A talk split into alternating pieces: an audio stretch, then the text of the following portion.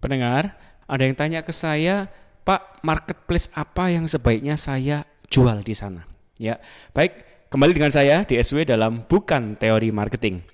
Saat ini marketplace yang paling berkembang yang nomor satu adalah Shopee, ya. Yang kedua adalah Tokopedia, ketiga adalah Bukalapak, yang keempat adalah Blibli. Per hari ini keempat inilah yang terbesar dan memiliki jumlah database yang terbanyak baik dari segi pelanggan maupun penjual. Nah, oleh karenanya kita perlu kalau bisa produk kita semuanya masuk di sana dengan harga jual yang tentu saja tidak jauh berbeda, namun dengan beragam teknik yang kita bisa bahas ya.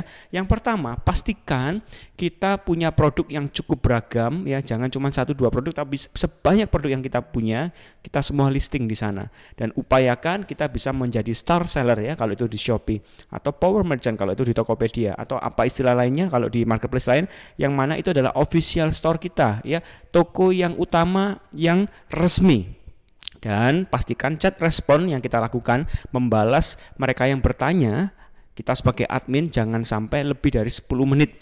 Lebih dari 10 menit mereka akan pindah ke toko lain dan akan membeli produk dari toko lain.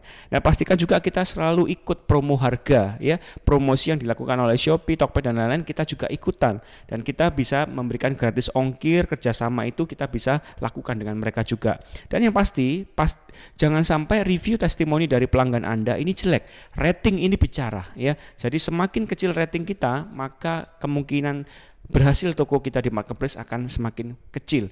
Upayakan testimoni yang positif yang Anda dapatkan, kiriman deliverynya cepat dan sampai di lokasi customer produk Anda diterima dalam keadaan bagus dan mereka bisa memberikan testimoni yang positif. Ikuti terus dan follow Instagram pribadi saya di @dsw.